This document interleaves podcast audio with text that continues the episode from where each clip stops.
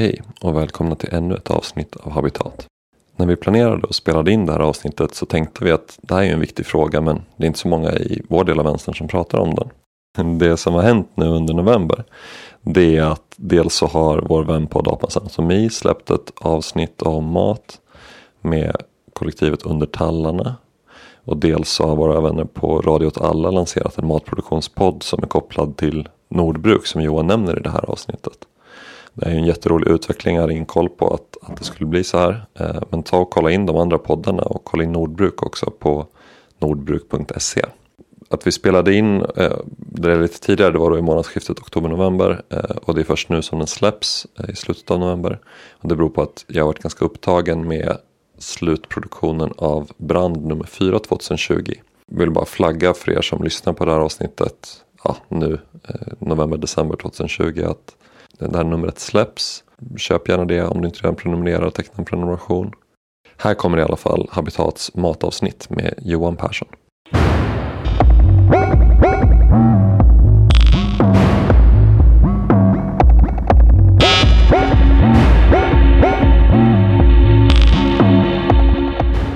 Hej och välkomna till Habitat och eh, varmt välkommen Johan Persson. Tack så mycket.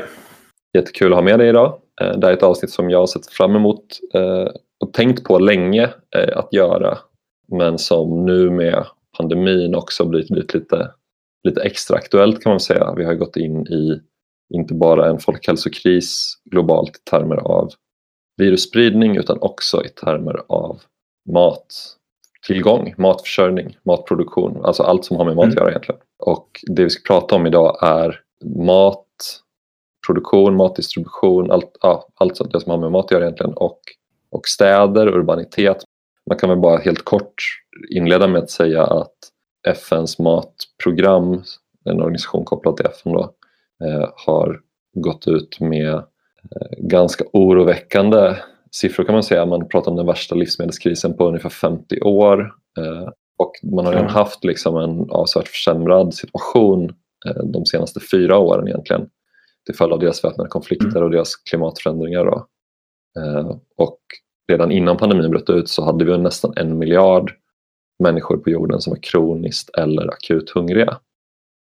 Eh, och på det lades nu då pandemin med alla lockdown-åtgärder som har gjorts för att stävja den och hur det påverkar livsmedelspriser, livsmedelstillgång på olika sätt. Det, det är oklart fortfarande tänker jag eh, hur, hur det här kommer att utveckla sig vad gäller maten under kommande åren. Eh, men det är ju superoroande och det är ju någonting som kanske i Sverige mest kommer märkas i termer av högre priser men vi har ju också många människor som lever på, på fattigdomsgränsen eller under fattigdomsgränsen här i Sverige och som ju alltså det, det är ju verkligen inte en otänkbar situation om man tänker eh, lite framöver att, att vi kommer börja ha människor som, som går hungriga också i Sverige. Eh, mm, mm det är lite situationen just nu med, med det globala livsmedelssystemet. Men jag ville bjuda in dig och prata om det här. Du är en person som, som har skrivit eh, om de här frågorna. Dels tror jag du skrev om det någon gång för länge sedan på din gamla blogg, eller hur? Enmansutredningen. Ja, ja. Men du har också skrivit ibland tidningen Flamman om de här frågorna. Om jag inte, visst, visst ser jag rätt då? Ja, det har jag kanske gjort. Det kommer jag faktiskt inte ihåg att jag har skrivit om i tidningen. Men du är en återkommande skrivent i tidningen Flamman i alla fall, ska man säga, om man ska presentera dig lite. Ja, precis. En Twitter-profil eh, på ordförande Johan. Eh, och du har ju också eh, ett par egna poddar som, som du jobbat en del med. Ja. Vill du, vill du plugga dem lite? Ja, det kan jag ju göra. Eh, även om de kanske inte vad ska jag säga? Jo, men jag, dels har jag haft en podd som hette Podd om ett brott. Som eh, eh handlade om eh, ett av mina stora intressen, det vill säga eh, svensk deckarlitteratur. Eh, och där pratade vi om Sjöwall Wahlöös eh, romanserie, Roman om ett brott. den är avslutad nu, men för vi var liksom inte en sån där podd som pågick i evigheter utan vi gjorde ett avsnitt om varje bok och sen ett avsnitt om filmen Mannen på taket och sen fick det vara klart. Sen har jag en annan pågående podd som heter Mörkret och den handlar väl om um, varför det är så jävla jobbigt att vara människa. eh, korta ordalag. Ja, en toppenpodd kan man väl säga, tycker jag. Tack så mycket. Men det känns väldigt kul att du vara med på det här. När man pratar om, om städer eh, och när man pratar om liksom problem med liksom den samtida urbaniteten eller vad man ska säga. Då mm. är ju livsmedelsfrågan ändå något som ganska ofta kommer upp. Alltså man pratar rätt mycket om den här frågan eh, tycker jag, åtminstone liksom i, i mainstream media och så, ur ett perspektiv som handlar mycket om eh, en frånkoppling av, av det urbana livet från matproduktionen mer som i att mm. man får snabb mat, det är dålig mat, eh, det är liksom eh, oautentiskt på något sätt. Eh, och ja. det finns väldigt mycket initiativ kring mat i städer som dels handlar om att man ska köpa lokalproducerade grejer från, från runt städerna och göra någon slags sådana kopplingar finns ju här i Sverige. Mm. Ofta väldigt dyrt men, men det är något som finns. Men sen så finns det också mycket initiativ kring urban odling och liksom hur kan vi göra städer mer liksom självförsörjande när det gäller mat. Ja. Du är ju en person som jag tror liksom mig själv alltså, har en ganska annan ingång när man försöker tänka på, på de här frågorna. Alltså, det här är ju på ett sätt inte så jättenya frågor från kopplingen liksom, mellan människor som lever liksom under kapitalismen och, och, speciellt under den industriella epoken i kapitalismen och, eh, och frågorna om mat, eller hur? Precis. Jag tror att i det här avsnittet så, så kan vi nog komma in på liksom att eh, som marxister så, så bör man väl gå tillbaks till Marx. Liksom. Och jag tror att vi, vi kan se att redan, redan hos Marx så finns liksom den här frågan som en del av hans eh, kritik av eh, kapitalismen. Och jag vet att han i något brev skriver att så här, det här är liksom centralt i min kritik av kapitalismen. Eh, den, den klyvning som på något sätt uppstår mellan eh, människa och eh, natur, mellan det som är liksom eh, grunden för vår överlevnad på något sätt och det liv vi faktiskt, le eh, liv vi faktiskt lever. Mm. Precis, så det här är liksom kopplat till en lång tradition och det här är något som inte bara finns tänker jag, inom, inom den marxistiska delen av vänstern utan det är något som verkligen har funnits i den anarkistiska rörelsen från Kropotkin och framåt mm. och som har funnits alltså det finns ju också en egen liksom, mer civilisationskritisk tradition som kanske inte knyter an jättemycket till varken Kropotkin eller Marx men, eh, men som också finns. Alltså på något sätt så är alla som är lite samhällskritiska känns det som eh, mm. uppfattar det här problemet på något sätt samtidigt som jag tänker att vi lever ju i en tillvaro då, som, som stadsbor i Sverige eller alltså, även om man inte är stadsbo tänker jag i Sverige eh, där liksom det rådande till, den rådande ordningen på något sätt är väldigt given. Liksom. Eh, den är väldigt etablerad sedan långt innan eh, någon av oss som, som pratar eller som lyssnar på den här podden föddes. Eh, så det kan vara mm. liksom svårt att, att riktigt greppa tänker jag hur, hur knäppt det är med hur svag kopplingen mellan många av våra liv och den faktiska matproduktionen egentligen är. Ja precis, för att det är på något sätt mat, matproduktionen är ju eh, det är ju grunden, alltså det, det, är ju grunden för att vi ska upprätthålla våra liv. Alltså att vi ska kunna reproducera eh, mänskligheten på något sätt. Eh, och, och, idag så lever vi, alltså även en svensk person som lever på landsbygden eller glesbygd eller så, om man inte direkt är, är liksom jordbrukare så, så lever man ju på många sätt ett, ett liv som är Eh, mycket mer skiljt från den direkta produktionen av mat än vad liksom några andra människor tidigare i, i världshistorien har gjort. Mm. Ja, det är ju verkligen eh, otroligt anmärkningsvärt när man börjar tänka på det på det sättet. Eh, om man tänker de senaste hundra åren jämfört med all tidigare existerande mänsklig historia. Exakt. Ja. Det, i, I hela världen så läste jag när jag förberedde förra avsnittet att i, i dagsläget så är det ungefär 30 procent av den globala arbetskraften. Och då är det inte alla människor på jorden utan det är liksom arbetskraften då, som människor i arbetsför mm. ålder. Typ. Uh, ungefär 30 procent är involverade i matproduktionen globalt sett. Uh, vilket ju är en otroligt låg siffra om man tänker på det. Och uh, i Sverige är siffran ungefär 1,9 procent. Mm. Vilket ju är en helt otrolig siffra. Om vi bara backar 70-80 år i historien så, så ser det ju radikalt annorlunda ut.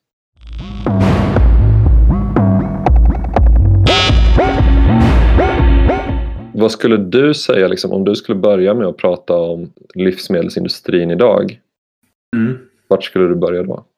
Eh, vilken bra fråga. Alltså, det man någonstans måste börja i om man tittar på, på livsmedelsindustrin idag.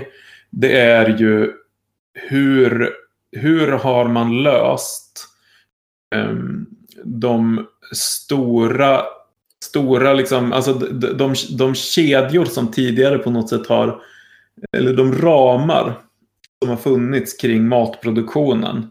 Som har gjort att till exempel en sån sak som att Eh, en stor del av jordens befolkning kan leva i städer. Det liksom inte har varit möjligt tidigare. Hur har man löst det? Och framförallt så har man ju löst det genom eh, att man har kastat fossila bränslen på liksom den här produktionsprocessen. Det finns en siffra Eh, som är väldigt viktig. För när vi pratar om matproduktion då kan vi prata om den i termer av kalorier. Alltså hur många kalorier eh, får vi ut av en viss process för att producera mat. Oavsett om det är liksom eh, om vi tänker så väldigt, väldigt basic om det är samla bär eller jaga eller eh, odla någonting. Liksom. Hur, hur många kalorier kan vi få ut av den här processen. Och kalorier är ju i grund och botten energi. Det är ett energimått liksom. All, all process för att skapa matkalorier kräver ju en viss investering av energi.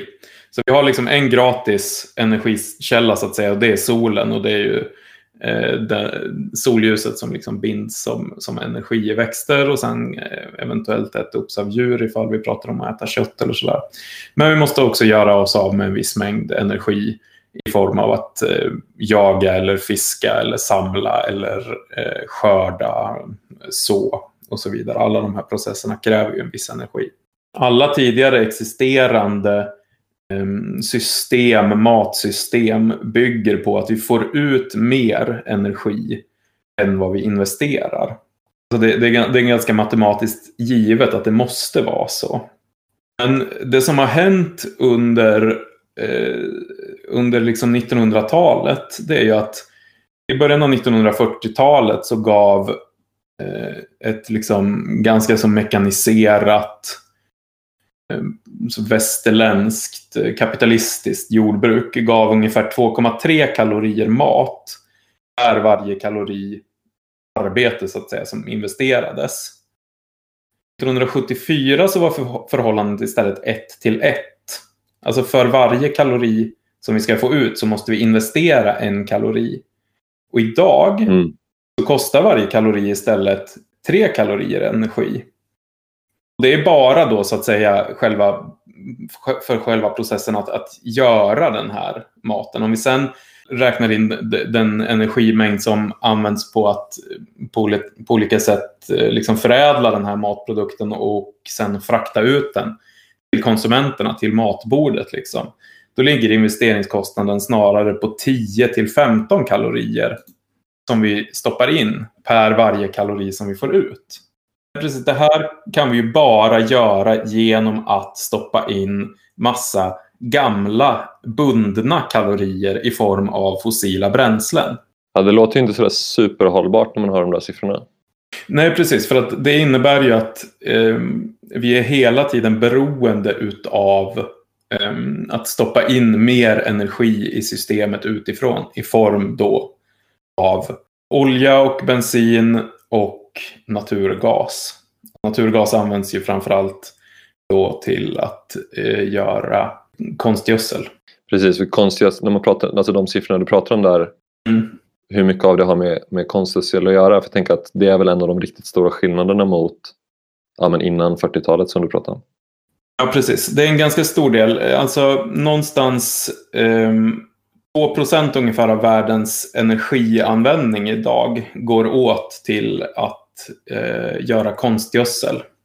2 procent? 2 procent ungefär. Det är, det, är väldigt, det är väldigt mycket. Ja, eh, men ska vi, ta, ska vi ta det här med egentligen konstgödsel eller gödsel överhuvudtaget? Eh, det är, ganska, det är ganska intressant just där. Man skulle kunna kalla det för det här kapitlet någonstans för liksom bajsets dialektik. Okej. Okay. Vem var bajset? Va? Alltså bajset som är bajset vi bajsar ut. Exakt. Inte, inget namn liksom. På... Nej. Det var min tanke, bajs. Vem var bajset? nej, nej, precis. Nej, just eh, eh gödsel. Ja. Säga.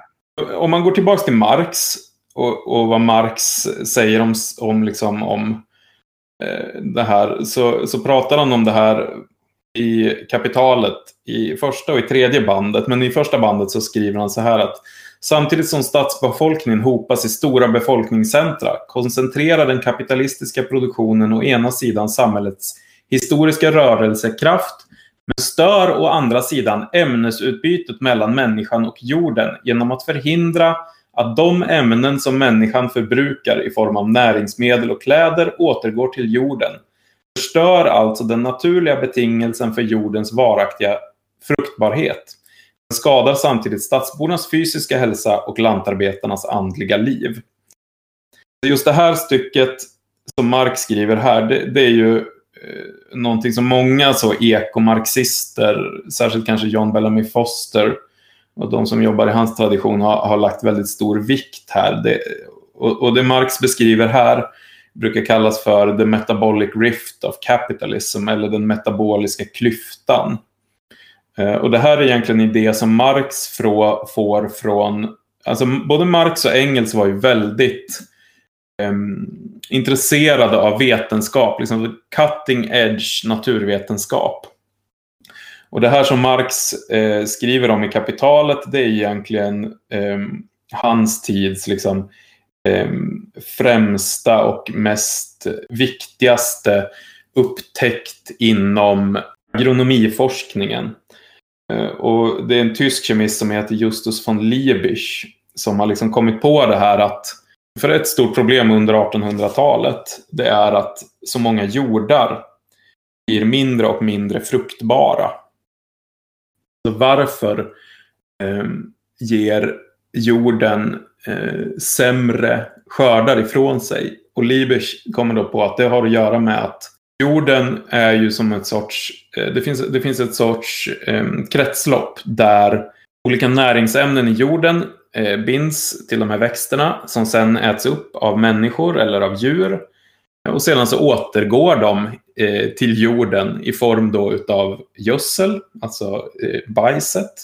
Kanske framför allt från djuren som har varit liksom ekonomiskt betydelsefullt, och så, men i viss mån från människor också. Och genom att ja, saker återgår till djuren, till, djuren till, till jorden. Alltså till exempel döda djur, döda djur så sprider man ju ut benmjöl och så på åkrarna för att det här ska återgå. Men det som har börjat hända under Marx tid, det är ju att det här loka väldigt lokala kretsloppet där man så att säga väldigt hög utsträckning skördar och använder eh, jordens eh, frukter lokalt och så återgår det här till jorden sen. Det har ju det har ju liksom av olika skäl som vi kan komma in på senare brutits. Och väldigt mycket av eh, det här försvinner bort från landsbygden, alltså försvinner in till städerna. Så vi får ett, ett dubbelt problem där jorden på landsbygden urlakas eh, och städerna får ju samtidigt jättestora problem med liksom en ohälsosam miljö, eh, övergödning, eh, liksom slaggprodukter, skräpprodukter som, som rinner rakt ut i, i, i vattendrag och, och sådär.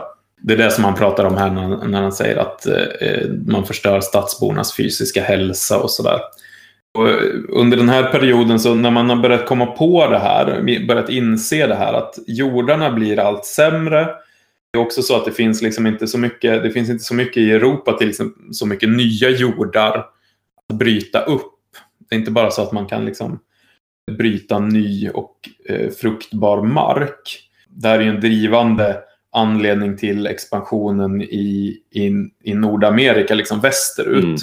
Men, men, redan under 1800-talet så, har man ju, så uppmärksammar man ju östkusten i USA och så det här problemet också, att jordarna blir allt mindre eh, fruktbara och man, man tar till alla möjliga metoder. Alltså man börjar, det finns berättat att man börjar gräva upp slagfälten från Napoleonkrigen för att få tag på benrester och så, så som man kan eh, gödsla jorden med.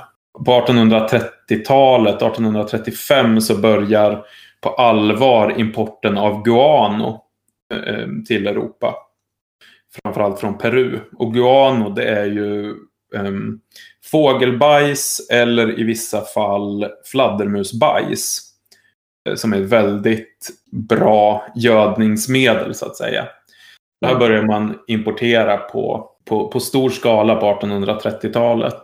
Det är en, en så här utvikning, så är anledningen till att potatispesten kommer till Irland med stor, anled, med stor sannolikhet är, den kommer nog från Andernas högland och förs till Irland eh, med konstgödsel från Peru.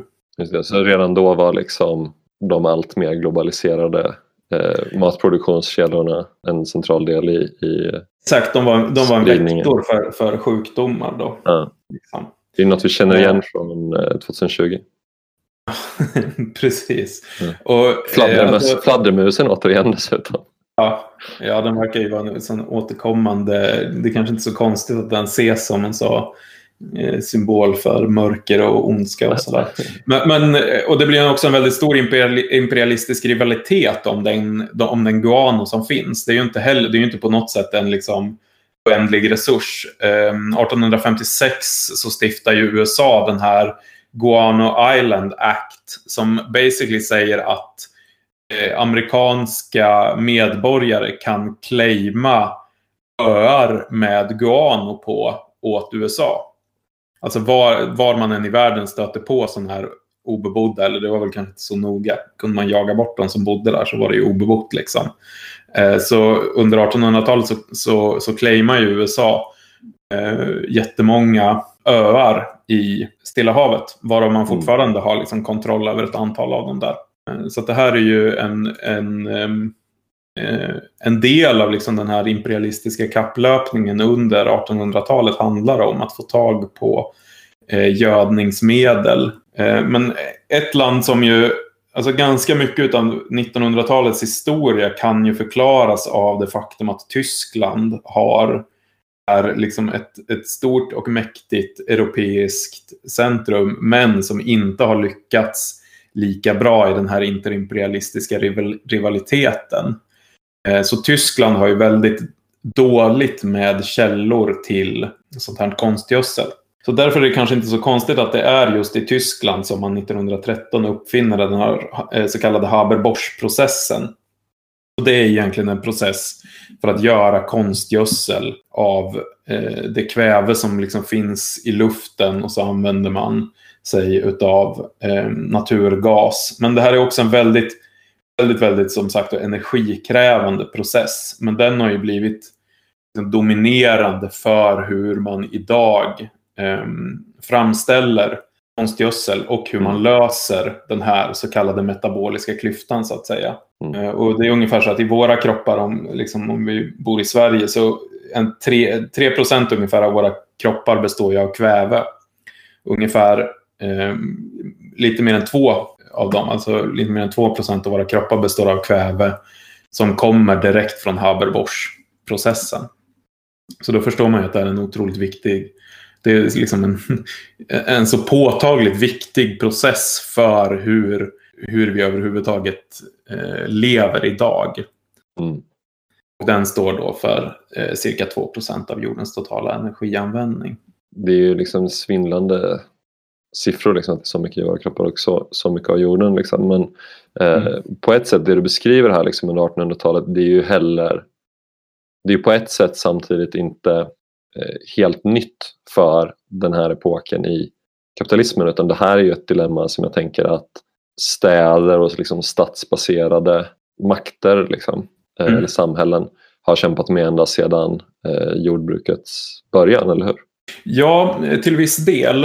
Eh, just så... frågan om, om, om gödsel specifikt. Liksom. Frågan om försörja stadsbefolkningen med livsmedel helt enkelt. Och att, att försörja liksom en, en ökande befolkning med ja. med livsmedel.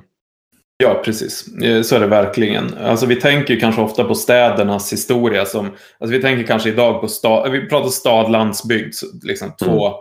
Två separata storheter. Men det är ju egentligen så att städernas historia, det är ju jordbrukets historia. Mm. Eh, alltså, städerna är ju omöjliga utan jordbruk. Eh, det är ju först när vi börjar eh, slås ner, bli bofasta, eh, aktivt bruka jorden som vi får ett sådant överskott så att människor faktiskt kan leva i någon sorts stadsbefolkning. Och, och sedan dess så har ju Eh, frågan om livsmedelsförsörjningen i städerna varit liksom, eh, det, det, det, har de, de, senaste, jag vet inte, eh, Chetalhöyük i, i Turkiet är väl ungefär 9000 år gammal och det är väl ungefär så länge vi har bott i någon liksom, större större bosättningar. Ungefär så länge så har ju frågan om, om matförsörjningen i städerna varit eh, en av mänsklighetens stora och eh, ständigt återkommande och liksom aldrig lösta politiska frågor. Och, och är så än idag. Särskilt idag. Eh, alltså, det var ju naturligtvis en mycket, mycket mindre fråga. Fram till år 1800 så var det ungefär 3 procent, alltså år, år 1800 var det ungefär 3 procent av jordens befolkning som bodde i samhällen med mer än 5000 invånare. Mm. Och för några år sedan, ja, det börjar väl bli ganska många år sedan, det var det 2006 eller något sånt som liksom eh, en majoritet av jordens befolkning lever i städer. Mm. Jag såg en siffra eh, från i år eh, på 55 procent ungefär. Ja. Jordens befolkning bor i, i städer. Ja. Det är också städer som, väx, städer som växer. Oh, ja. Eh, så att den här siffran 55 procent kommer ju vara inaktuell snart och säkerligen kommer den att ändras också av den här pandemin. Och den beror ju också lite på hur man räknar för jag tänker att det finns ju många människor som eh, kanske inte bor nödvändigtvis där de arbetar och som arbetar inom, alltså med livsmedelsproduktion. En väldigt stor del av de som jobbar med livsmedelsproduktion är ju migrantarbetare.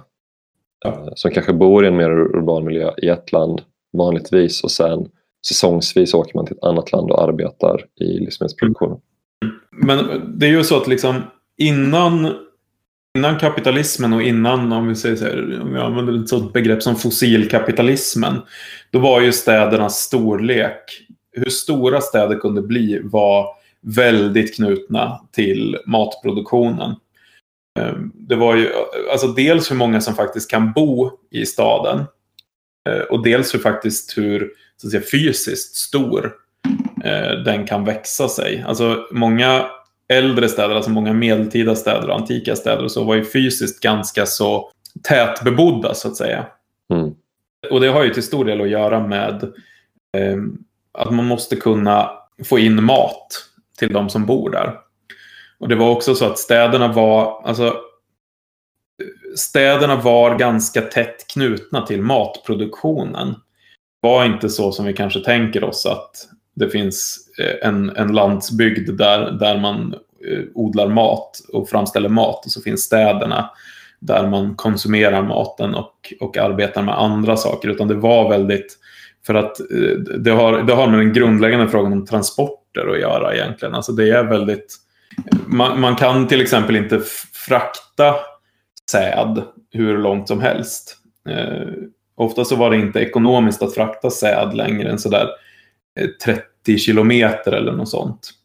Så dragdjuren som man använder ska ju äta.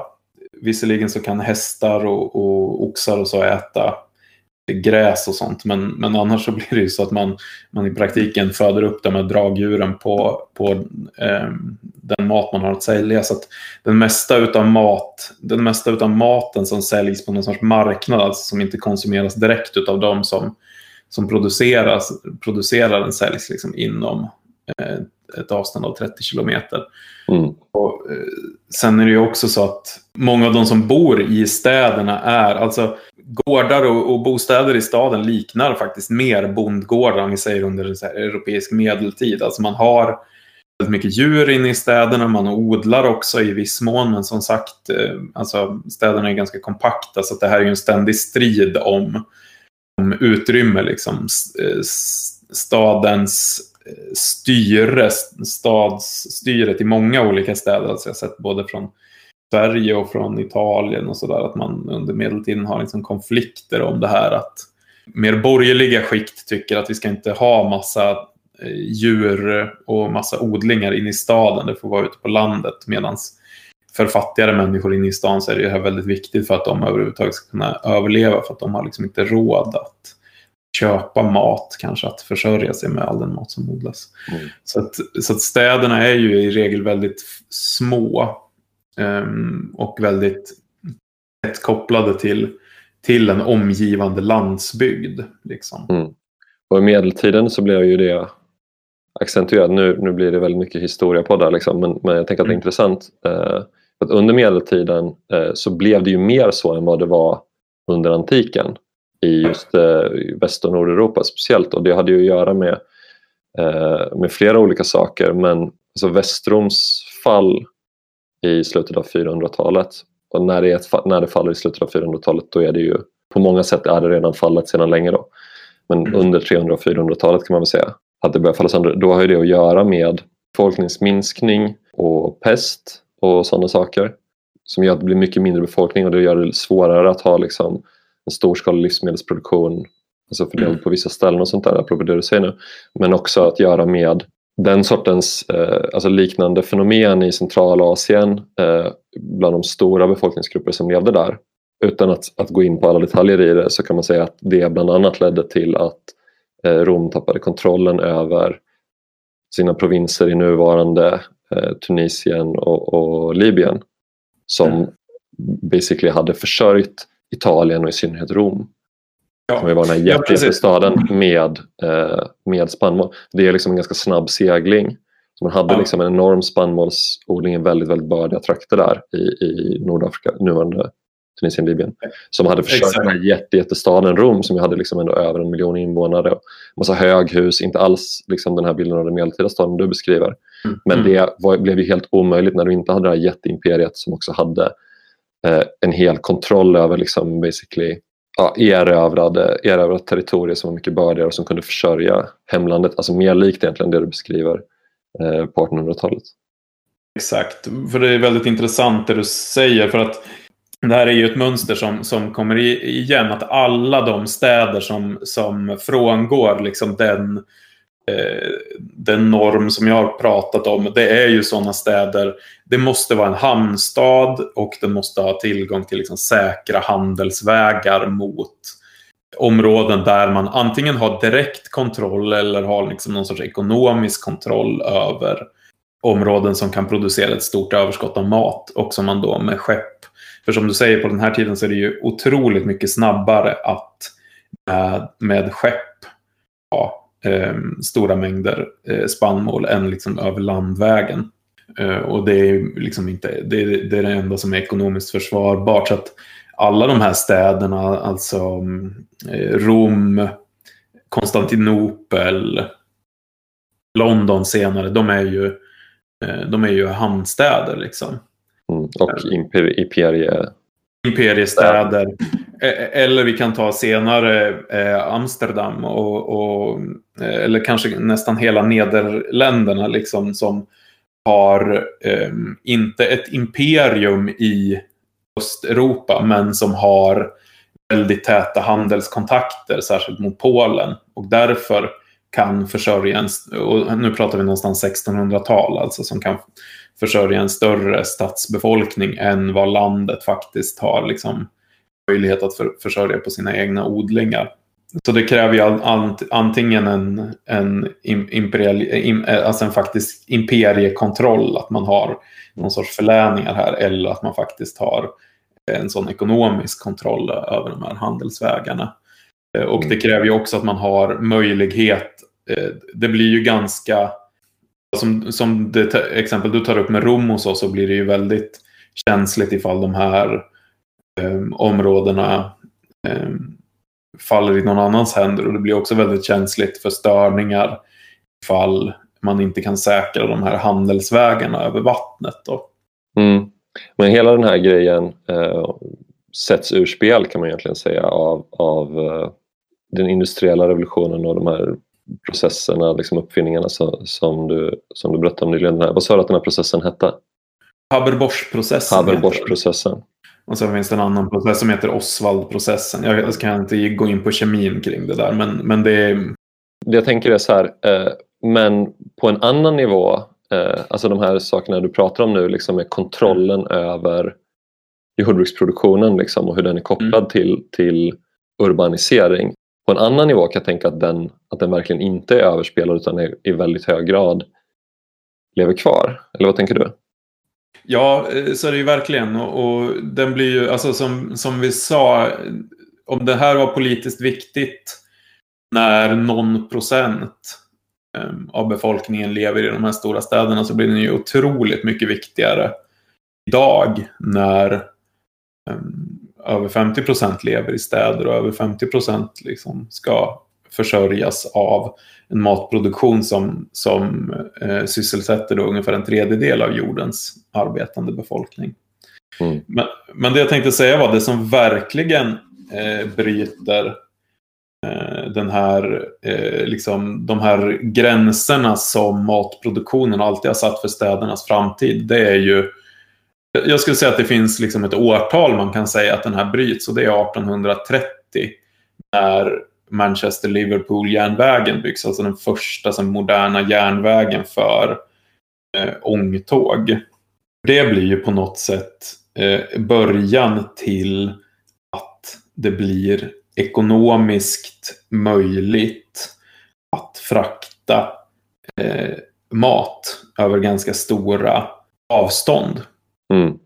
Precis, att Manchester som ett väldigt snabbväxande industricenter vid den här tiden. Det hade liksom inte riktigt varit mm. möjligt på det sättet som det var efter 1830 om det inte varit för eh, kommunikationsvägarna till, till hamnen i Liverpool.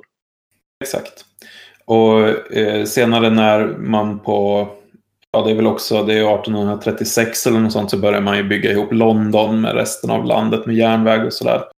Plötsligt så har man ju en mycket större, ett mycket större så att säga, upptagningsområde för städernas matproduktion. Alltså om vi tar ett sådant livsmedel som mjölk till exempel. Eh, kort hållbarhet måste komma till konsumenterna ganska snabbt. Det innebär ju att eh, i början av 1800-talet så finns det ju ehm, 8500 mjölkkor inne i London, alltså inne i stan. Eh, så, så har man de här mjölkkorna som för, förser ganska stora delar av Londonborna med sin mjölk. Ehm, tågen innebär ju att, även om det tar några, några årtionden, för folk är ganska så skeptiska till den där tågmjölken. Och till att börja med så är man inte så bra på att frakta den, så att den kommer fram nästan så här halvkärnad typ. Men, men, men, men med några... Tågmjölken, några... dagens, dagens ord. Exakt, jag, jag, tror faktiskt det är ett begrepp som folk använder, så train milk. Men den blir senare ganska populär och, och ses som liksom lite, eh, lite mer hygienisk och så än kanske den här mjölken som har producerats eh, bara längre ner för, på gatan i, i London. Liksom. Utan, eh, du kan få ganska färsk eh, mjölk från, från omgivande landsbygdsbefolkningen in till London. Du har de här mjölktågen som går tidigt, tidigt på morgonen. Det finns ett uttryck på engelska idag fortfarande som är catching the milk train.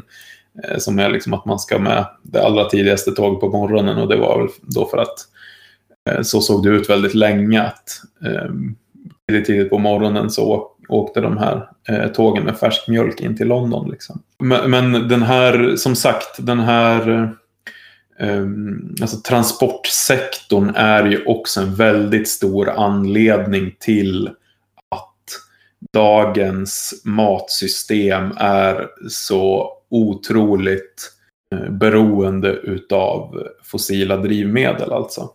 Precis, och det är ju inget man, alltså det är ju, när man pratar om det så är det ganska lätt att inse det bara man tänker på vad som finns att köpa om man går till ett snabbköp liksom, idag i en livsmedelsaffär.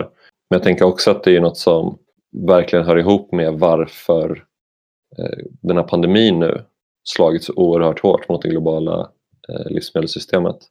Ja. Eh, och varför det, det uppstår de här liksom väldigt märkliga situationerna när man å ena sidan ska ha en lockdown och det ska bara vara liksom essentiella eh, saker som utförs, saker bara verkligt nödvändiga resor, bara verkligt nödvändiga fysiska kontakter och sådär och då plötsligt i Sverige så blir det en del av det att släppa in en massa östeuropeiska arbetare Mm. eh, som kom hit för att, för att skörda basically.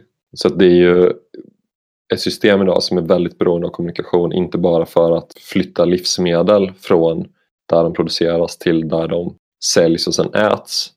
Mm. Utan det, handlar, det är också att producera eh, livsmedel idag är ju också i sin tur oerhört beroende av väldigt mycket logistik eh, redan alltså till eh, produktionsplatsen.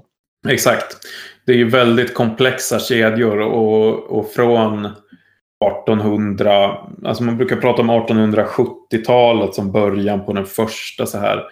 Eh, det finns ett begrepp som heter matregim eller en global matregim. Var två stycken marxistiskt inspirerade matforskare som skapade det här begreppet på, på eh, 1980-talet för att liksom ja, de var in, inspirerade också av, av världssystemsanalysen och de ville beskriva hur från 1870-talet ungefär och framåt så, så ingår liksom matproduktionen i de här väldigt komplexa globala kedjorna. Mm. Som sen med tiden också har blivit ännu mer komplexa. Alltså idag i den första matregimen som man pratar om eh, som är från ungefär 1870 till eh, vissa säger att den slutar vid första världskrigets utbrott och andra vill snarare um, dra slutdatumet här vid, på 1930-talet med den här stora Dust Bowl i Nordamerika. Då. Men, men den är ju, handlar ju väldigt mycket om att de här bosättarkoloniala samhällena i, i Nordamerika, i Australien, i Nya Zeeland, eh, till viss del Argentina, till viss del Sydafrika och så, att de eh, står för en väldigt stor produktion av liksom så baslivsmedel som vete och, och kött och så. Eh, och som skeppas till Europa. Det som händer under, om man säger den andra matregimen som börjar någonstans med, med eh, efter andra världskriget, det är ju att de här kedjorna blir mycket mer komplexa.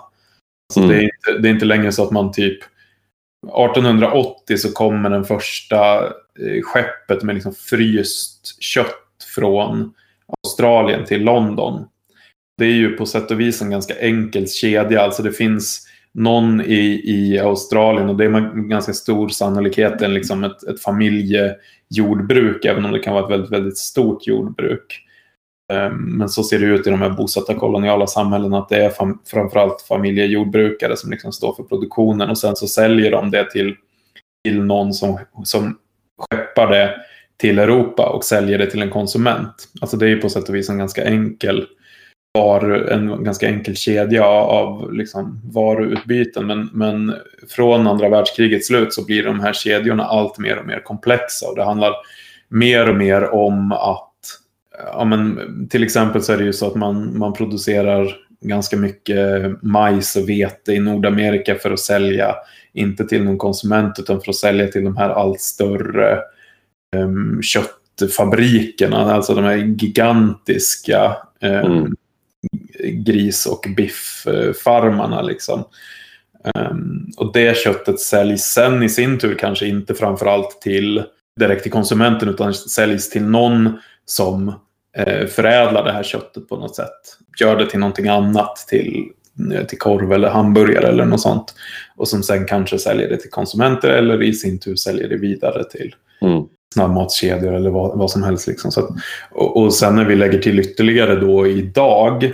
Idag är vi inne i den så kallade tredje matregimen eller som vissa vill säga den nyliberala matregimen. Då har vi ju också väldigt mycket det här som du pratar med om att det inte bara är, är um, själva maten som rör sig utan det är också väldigt, väldigt mycket de som faktiskt producerar maten som rör sig. Alltså vi har ju migrantarbetare som jobbar på de, på de gigantiska tomatodlingarna i, i Spanien och sådär.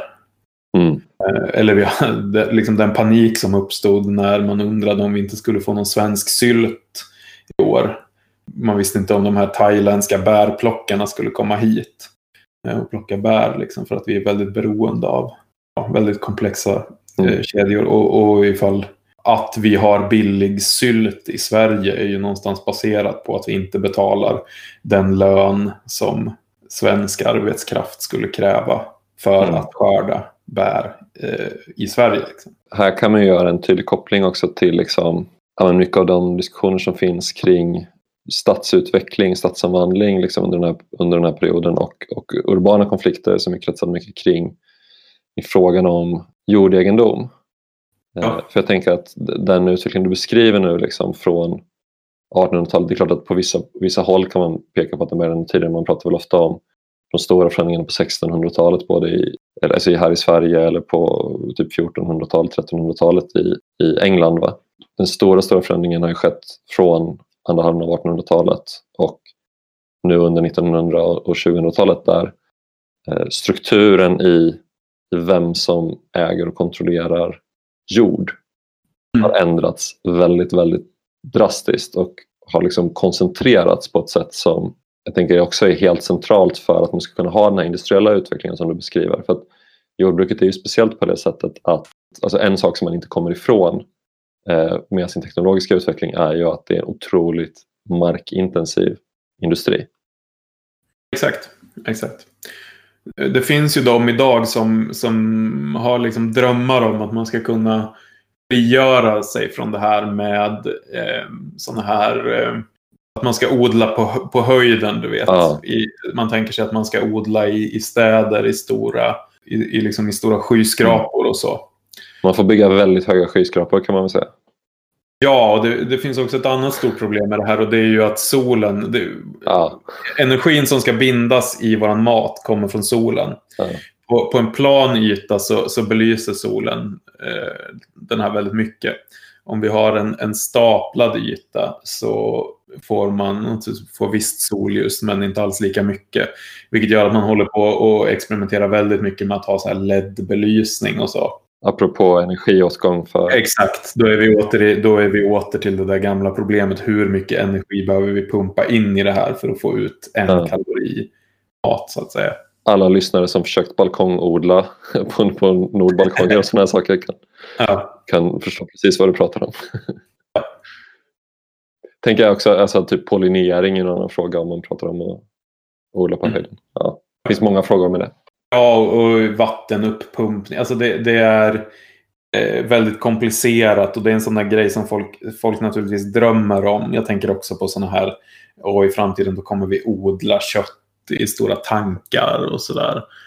Eh, det är på något sätt en, en dröm om att frigöra sig från det som du säger att, att man, man kan liksom inte vi har inte riktigt kunnat frigöra oss från det faktum. Alltså vi, har ju, vi har ju fått en extremt, extremt mycket högre avkastning per varje odlad hektar. Så är det ju. Eh, och hade vi inte haft det så hade det ju varit fullständigt omöjligt att ha den liksom, eh, befolkningsutveckling som, som vi har haft under de senaste århundradena. Men, men vi kommer liksom någonstans inte från det här frågan om jorden. Och då blir ju också då frågan vem ska äga och kontrollera jorden? Mm. Det här är ju som en sån eh, också otroligt, alltså en, en, politisk fråga som vi, som vi på något sätt aldrig kommer ifrån.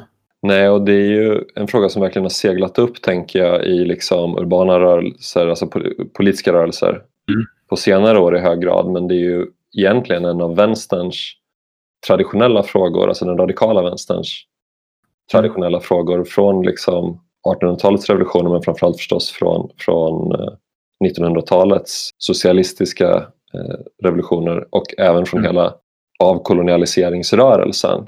Exakt. Så även om de löftena inte alltid eller nästintill aldrig eh, infriades så den mobiliserande frågan för väldigt många eh, av de här rörelserna från de klassiska vänsterexemplen då liksom som Kina såklart men också liksom från, från ja, men jag vet inte, allt, eh, hela Afrika egentligen eller Latinamerika. Mm. Så är frågan om jordomfördelning och liksom löftet om den egna kontrollen över jorden varit det som mobiliserat väldigt stora delar av befolkningen för eh, olika politiska projekt. Exakt. Men det är ju en fråga som, som känns väldigt avlägsen från eh, den svenska vänsterns diskussioner idag kan man säga. Ja, och det har naturligtvis att göra med att eh, vad sa det, 1,9 procent av ja. vår befolkning som är sysselsatt inom eh, jordbruket. Så det här är ju inte sexiga frågor. Alltså det var ju därför jag började skriva om det här för tio år sedan. Eh, för att du är sexnegativ? För att jag är starkt sexnegativ. nej, men, nej, men så här. Då, pågick, då pågick ju den så kallade arabiska våren. Eh, och för mig så var det väldigt tydligt när man läste liksom all forskning och så att det här har en jättenära koppling till just frågor om jord och mat och matförsörjning. Och liksom stigande brödpriser och så. Det, det finns till och med liksom, det finns forskare som har gjort liksom matematiska modeller som visar det här att kopplingen till priset till bröd och liksom risken eller chansen till olika typer av kravaller och uppror och så att det är, att det är jättetydligt. Men jag tyckte att det, det var någonting som man i svensk vänster skrev ganska lite om och visste ganska lite om. Liksom vad, eh, man, man kanske visste att matpriset ökar men, men man hade inte riktigt satt sig in i varför. Hur ser egentligen matproduktionen ut och vilka faktorer är det som gör som, som påverkar priset och sådär. Eh, och det är väl just därför att det här är ganska osexiga frågor. Det är på sätt och vis ganska tråkiga frågor. Jag tycker själv att det är ganska tråkigt. Alltså när jag skriver i Flamman så skriver jag helst om så här, typ skräpkultur och så. Eh, vilket väldigt många, alltså det är ju, det är ju många i, i vänstern i västvärlden idag som hellre skriver om typ kultur än liksom så tråkiga frågor om, om jordbruksproduktion och, och eh, eh, gödsel. Och så. Mm. Det är också, jag tänker att de blir också tråkiga för att de känns eh, när man först börjar liksom försöka tänka på det eller på något sätt sätta sig in i det så kan det bara kännas så, så hisnande tror jag för många som är uppvuxna i som är uppvuxna i städer egentligen. Jag tror lite oavsett vart man bor på jorden. Men om man är uppvuxen i en stad även liksom mindre, alltså det man ibland tänker på som så landsbygd fast det är inte egentligen landsbygd, typ jag vet inte, Kramfors liksom, eller, mm. eller någonting. Mm. Har du inte själv den här kopplingen till livsmedelsproduktion, som, vilket som, vi, som du sa väldigt få i Sverige har, men också mm. Alltså, I Brasilien är det ungefär 10% som är inblandade i livsmedelsproduktion av arbetskraften, inte av, av, befolkningen utan av arbetskraften.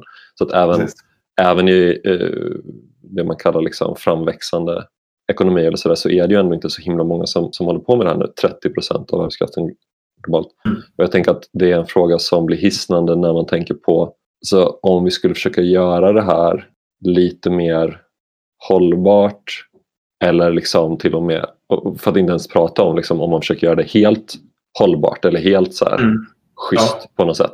Alltså vilken typ av omställningar som behövs då. Och jag tänker att frågan om behovet av att, av att liksom lämna kapitalismen blir på ett sätt inte tydligare eh, i, i, i vad gäller hur, alltså att vi verkligen behöver det.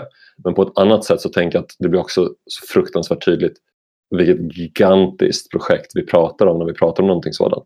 För att man börjar, ja, det handlar inte bara om eh, hur kan vi organisera demokratin eller liksom principer och så, utan det blir tydligt att så här, för det skulle krävas liksom, ja, men logistiska operationer i en, i en skala som jag tror vi inte är vana vid att tänka på. Mm. Ja, och jag tycker att vänstern ofta, liksom västvärlden, inte tar den här grundläggande frågan om vad ska folk äta på allvar. Och då pratar jag om den revolutionära vänstern. Liksom.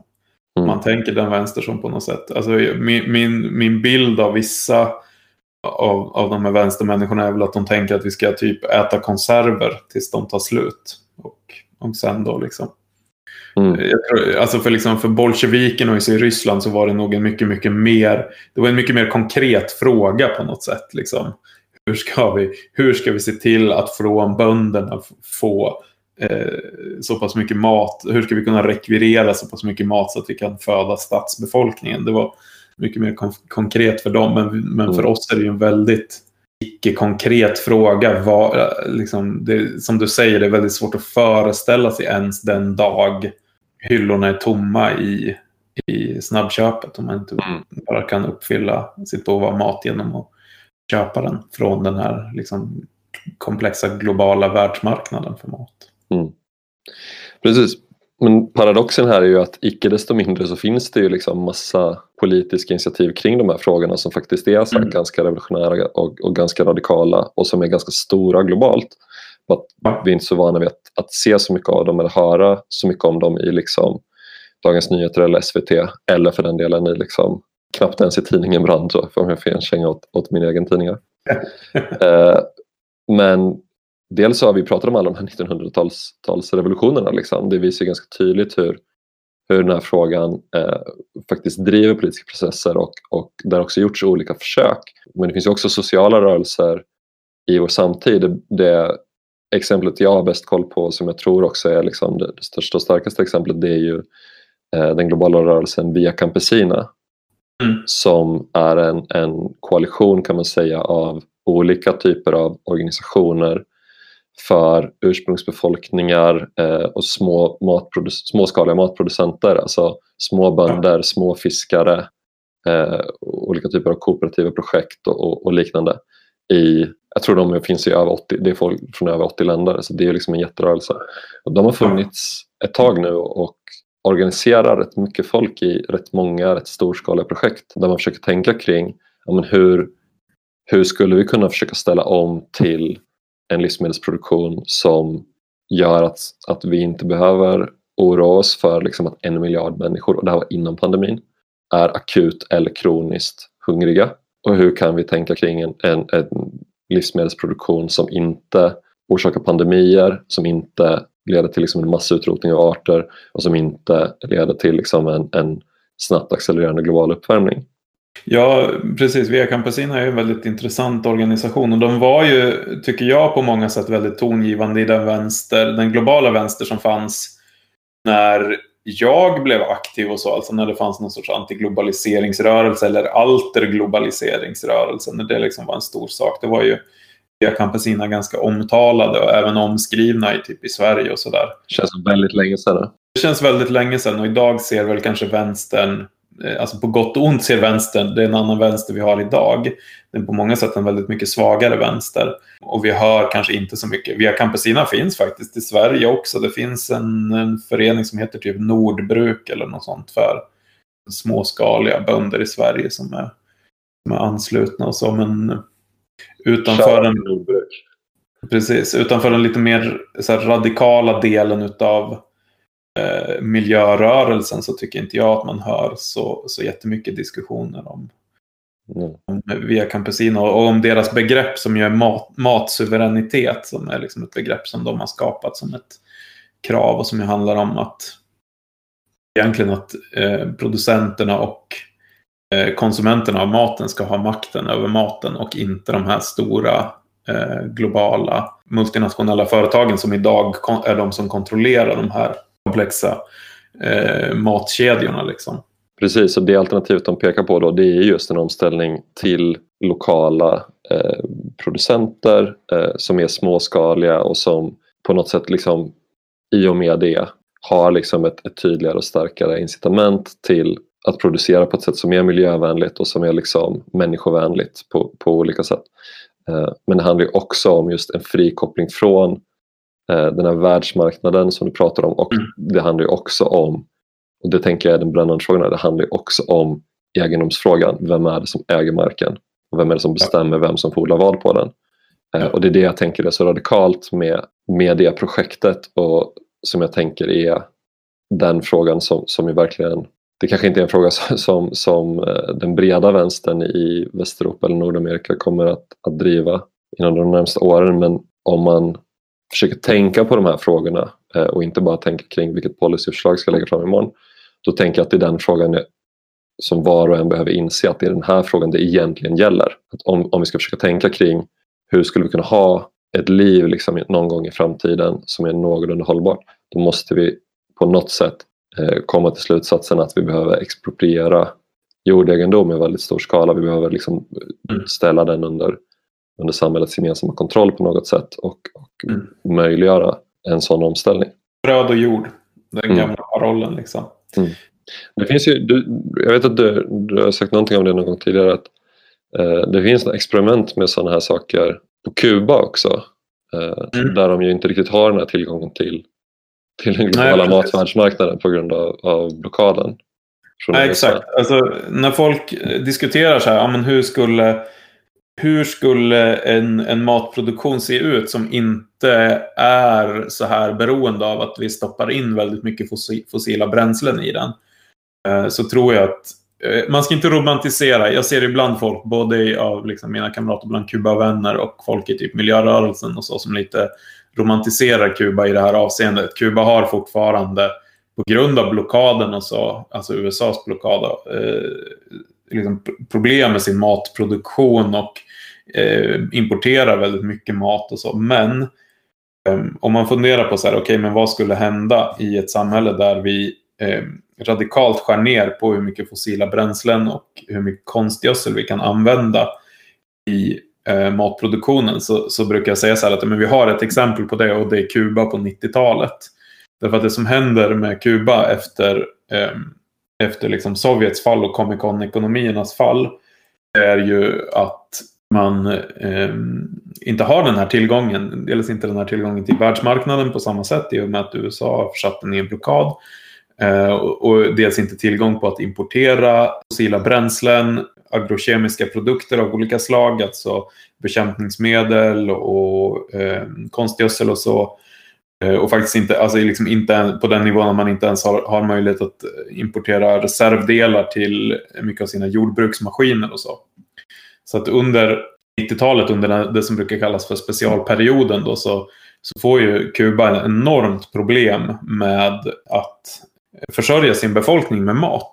Det är faktiskt så att bland den vuxna befolkningen så, så är det, jag kommer inte ihåg i procentsats, men det är en, eh, alltså en ganska stor del av befolkningen som, som får eh, symptom på svält. Liksom. Alltså hos barnen så alltså man bestämmer så här, vi ska prioritera barnen så man ser till att alla barn fortsätter få skolmat och sådär. Så att hos eh, den, den, generation som växte upp under 90-talet så ser vi inte de här eh, typiska bristsjukdomar och så som, eh, och sjukdomar som folk får på grund av svält under, under barndomen. Men, men hos den vuxna befolkningen så finns det. Bland det man gör för att, att bryta det här, för att problemet är på den nivån att du får inte ens in maten som odlas på landsbygden till städerna för att du har liksom inte en, en fungerande transportsektor utan de här fossila bränslena. Det man gör då det är till exempel att satsa väldigt mycket på vad vi kan kalla för stadsnära odling eller odling i städerna, så kallade organoponikos. Så man börjar odla väldigt mycket eh, mat inne i städerna på olika typer av övergivna ytor. Och eh, det har varit väldigt framgångsrikt och jag tror att till exempel i Havanna att det nu är så att deras eh, organoponikos eh, förser dem med typ 90 procent eller något sånt av de eh, grönsaker och frukter som konsumeras inom staden. Och det är faktiskt så att för idag är den ekonomiska situationen på Kuba betydligt mycket bättre än den var under den här specialperioden. Men, men Kuba är faktiskt ett land där man per investerad kalori får ut tre kalorier jordbruket. Det är ju alltså ett jordbruk som är hållbart i det avseendet. Om vi då jämför med att i många andra länder att det kostar 10 15 kalorier per varje, per varje kalori som man får ut. Precis, men då handlar det alltså inte om att här, odla på höjden och liksom, alltså de här fantasierna som jag tänker finns kring liksom, nyliberala mm. Mm. projekt med, utan här handlar det tvärtom då om att ta mark, ta mark i användning. Ta mark i användning som jag tänker är ett projekt som är radikalt mot, jag tänker att det är värt att betona, liksom, det här handlar inte om att bekräfta liksom, den, den stadsodlingsfantasin som jag tänker finns ganska mycket i Sverige. Alltså det är inget fel med stadsodlingar i Sverige vill jag, vill jag verkligen ja. säga. Jag tycker det, det är väl superbra om man gör det men jag tänker att det finns ett problem som har att göra med att i alla städer som växer så har vi jättehögt markvärde vilket gör mm. att det enda du vill göra på all mark som finns tillgänglig att bygga så högt som möjligt och sälja det som bostadsrätter. Det är ju raka motsatsen tänker jag till, till det man gör i Havanna som du berättar om nu. Mm, mm. Ja, precis. Det är ju också så att man, alltså jag tror att de odlar också en del på höjden i form av så här gröna väggar och så. Mm. Eh, så det finns ju sådana experiment också, men det är ju inte alls den här vad ska jag säga, Elon Musk eh, tech bro fantasin om att vi kan liksom frigöra oss från de här behoven, utan det handlar ju om att faktiskt man var i en katastrofal situation och så säger man okej, okay, men nu ska vi använda den här marken, liksom inte till att exploatera den på, på något annat sätt, utan vi ska mm. faktiskt använda den till eh, odlingar. Och det, här har vi, det här har ju gjorts förr, alltså in, i, under andra världskriget. Både i USA och i Storbritannien så hade man ju sådana här Victory Gardens till exempel. Man odlade upp mark i städerna och så. Mm. Eh, och, och, hade en ganska god matproduktion inne i städerna på, på sina håll. Liksom, för att man, just av samma skäl, man var tvungen att använda de resurser man hade till, till eh, kriget. Liksom. Man hade inte möjlighet att använda dem mm. till att till exempel frakta in mat eh, från landsbygden till städerna. Och så. Mm. Jag tänker det här förekommer på andra håll också. Alltså, eh, i, i, städer där man kanske inte har ett så högt markpris. Jag tänker på framförallt till exempel i USA, sådana städer som Detroit. Ja. Så som ligger i liksom rostbältet och i avfolkningsbygder och där man inne i staden har ganska mycket av den, utav stadens yta som står liksom oanvänd. Så förekommer det ju väldigt stora projekt med liksom stadsodlingar och så. Eh, och som är väldigt, på många sätt väldigt, väldigt framgångsrika.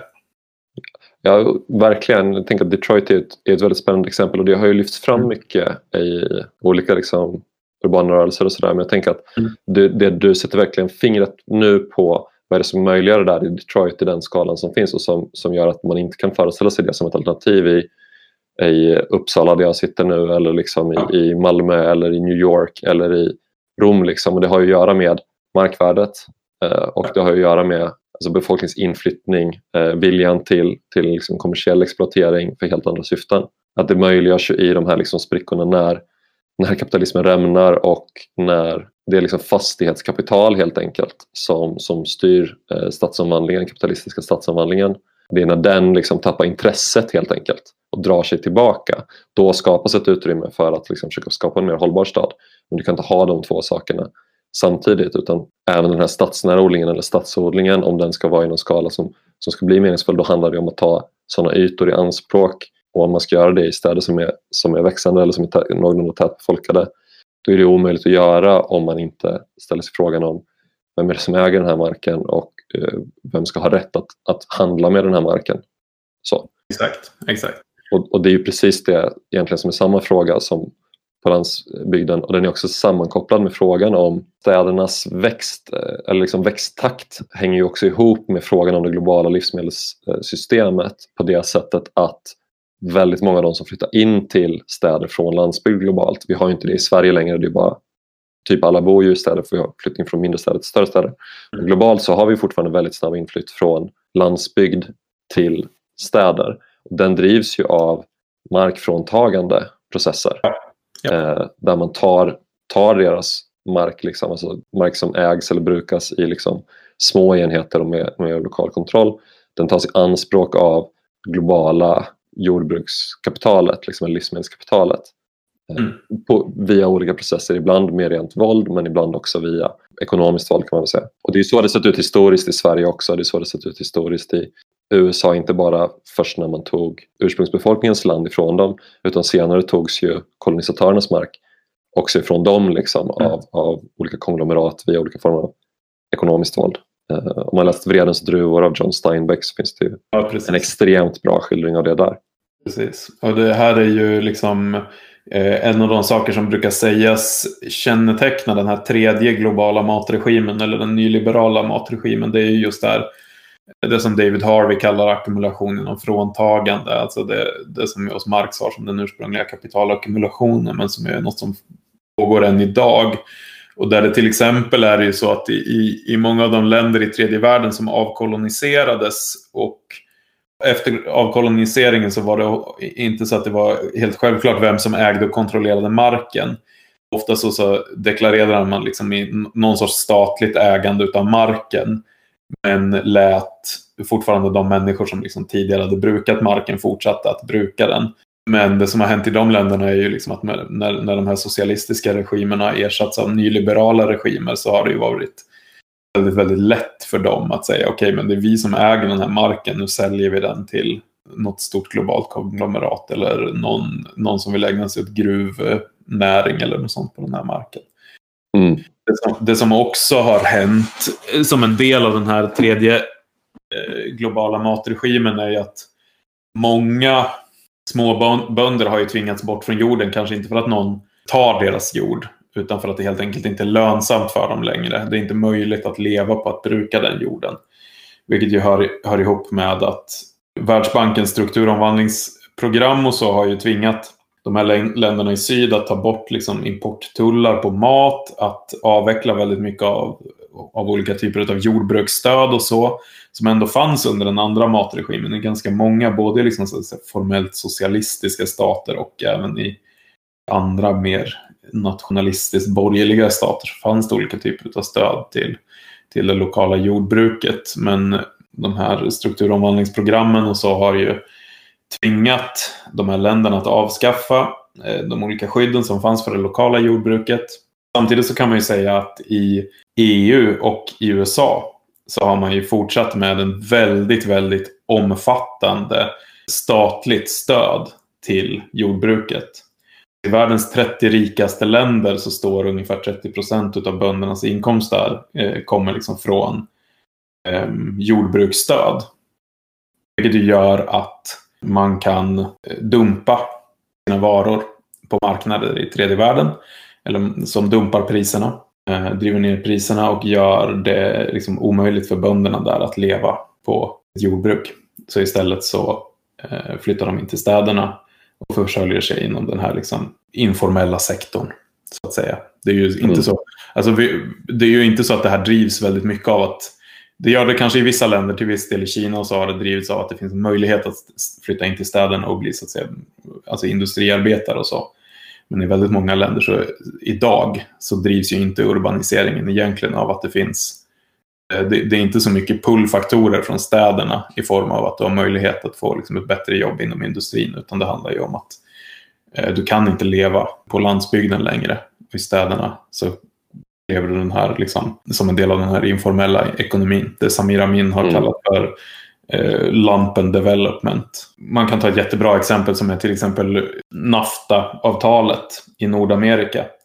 Som ju slöts där i slutet av 80-talet. Eh, då eh, Ja, anledningen till att man kunde sluta det avtalet var ju för att man eh, bara valfuskade i, i Mexiko.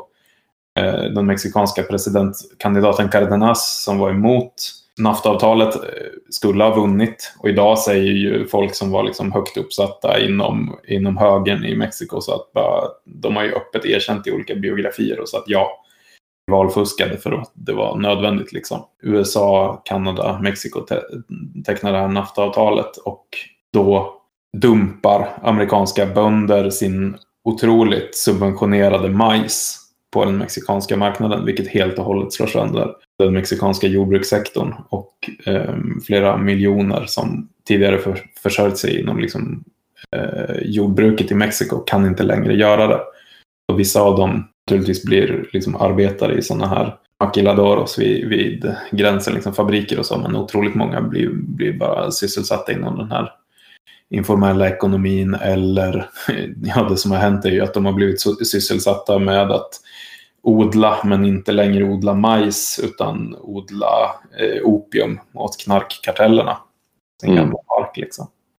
Exakt, och det är ju alltså det finns ju mycket att prata om där som jag tänker vi inte riktigt hinner komma in, in på idag men, men eh, det är ju en annan fråga om mark och livsmedelsproduktion och om eh, jordegendom är ju verkligen frågan om den globala narkotikaindustrin inte bara är i Mexiko utan i, mm. på många håll.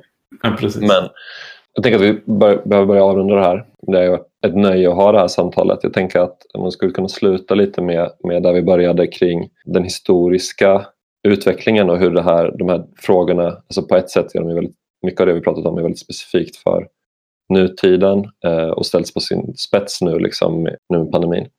Eh, men på många sätt så finns det också beröringspunkter med sånt som, som man kan gå tillbaka redan till liksom, Mesopotamien med. Eh, mm och, och de, de allra tidigaste städerna. Eh, jag tänker på franska filosofen och kommunisten Alain Badiou som jag läste en intervju med nyligen där han sa att, att frågan om liksom, den kommunistiska revolutionen är inte liksom, det handlar inte om bara att bryta med kapitalismen utan det är liksom ett steg ut ur den neolitiska perioden.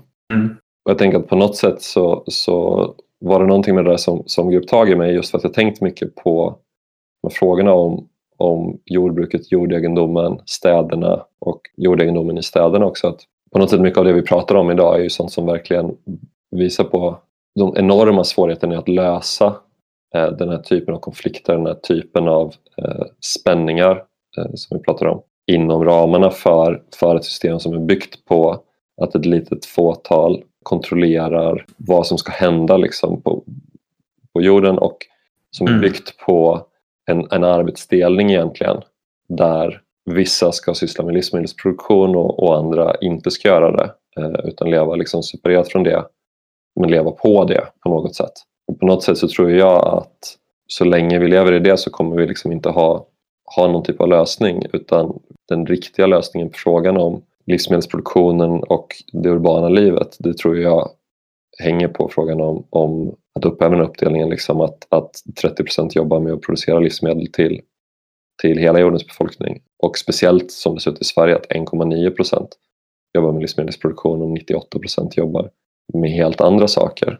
Ja, verkligen. Och framförallt så tror jag att idag så är det ju ett... Alltså det, det här är en omöjlig, den här metaboliska klyvningen inom kapitalismen, den är, den är omöjlig egentligen. Den lösning som har gjort att man har liksom kunnat, kunnat fortsätta det här systemet i snart 200 år, det är ju då att man har pumpat in otroligt mycket fossila drivmedel i systemet. Det har liksom blivit den plåsterlappen som, som ska laga den här sprickan. Och idag så står vi ju inför insikten att det här inte är möjligt. Då är frågan liksom vad, vad kommer framtiden bli? Kommer det bli en framtid där eh, med otroligt mycket mer svält, med en otroligt större liksom, klyvnad mellan de som har och inte har? Eller kommer vi istället att övervinna den här klyvnaden, den här metaboliska klyvnaden och vad kommer det i sådana fall innebära för det sätt som vi lever idag? Särskilt vi som le lever i någon sorts stadsstäder mm. i, i det globala nord. Ja, på något sätt kanske, jag känner inte till dem, men på något sätt är det kanske de här eh, Nordbruk som du nämnde som, som visar vägen lite. Uh, ja, och... Jag är nyfiken på det, jag ska kolla upp dem, kanske, kanske ett framtida poddavsnitt. Ja, och, och, och, verkligen det som händer i till exempel städer som Detroit och så. Ja. Jag, jag, alltså jag döpte ju, när jag började göra ett dokument och skrev upp saker som vi skulle prata om i det här avsnittet så döpte jag det till Pol Pot hade rätt. till till åminnelse av, av Jan Myrdal, Vila i frid. Exakt, exakt. Men eh, det är ju inte sant. Pol Pot hade fel och Röda khmererna när de eh, 1975 beslutade sig för att avskaffa städerna. Eh, jag, jag, tror att de i grund och botten hade fel då. Alltså, det är inte så att vi, vi kan liksom vända historien och gå tillbaks. Utan vi måste gå, gå framåt mot någonting annat, mot någonting som vi faktiskt inte Eh, en typ av civilisation som, som precis som Badiou där sa, någonstans handlar om att frigöra sig från det liksom samhälle vi har levt i sedan den neolitiska revolutionen där ett fåtal kan leva på den avkastning som flertalet skapar inom jordbruksproduktionen. Liksom. Titta på städer som Detroit till exempel. Alltså det kan låta jättesvårt men eh, jag såg någon beräkning på, från någon av de här grupperna som ägnar sig åt liksom, odlingskooperativ i Detroit att man behöver 5000 hektar för att föda hela Detroits eh, befolkning. Och idag odlar man upp ungefär 5% av det som skulle behövas. Så det är en jättestor insats som skulle behöva göras. Det är samtidigt så att de där 5000 hektaren, det är ungefär lika mycket eh, mark som idag är, liksom, används till, eh, till typ eh, grönområden och parker. Och det är ungefär bara en tredjedel av det, det område som idag står liksom tomt och oanvänt i Detroit. Mm. Möjligheten finns, men, men precis som du sa när vi pratade om det. Um, det kräver att vi, vi bryter med liksom kapitalismens logik för hur städerna ska användas och växa i framtiden. Mm. Precis, att vi tar, tar makten över den helt enkelt, att det inte ska vara en, en privat egendom. Yes. Ja, men jättetack för att du var med Johan, jättekul att ha det här samtalet. Ni som tyckte det var kul att lyssna på Johan, eh, lyssna på Mörkret, håll utkik efter hans, hans skriverier. Jättetack för att jag fick komma, det var roligt att, få komma och prata om städer. Jag är ju annars känd för min skepsis mot staden som fenomen. Liksom. Ja, den fick du uttrycka nu också. eh, perfekt. Vi hörs. Det gör vi. Ha det bra.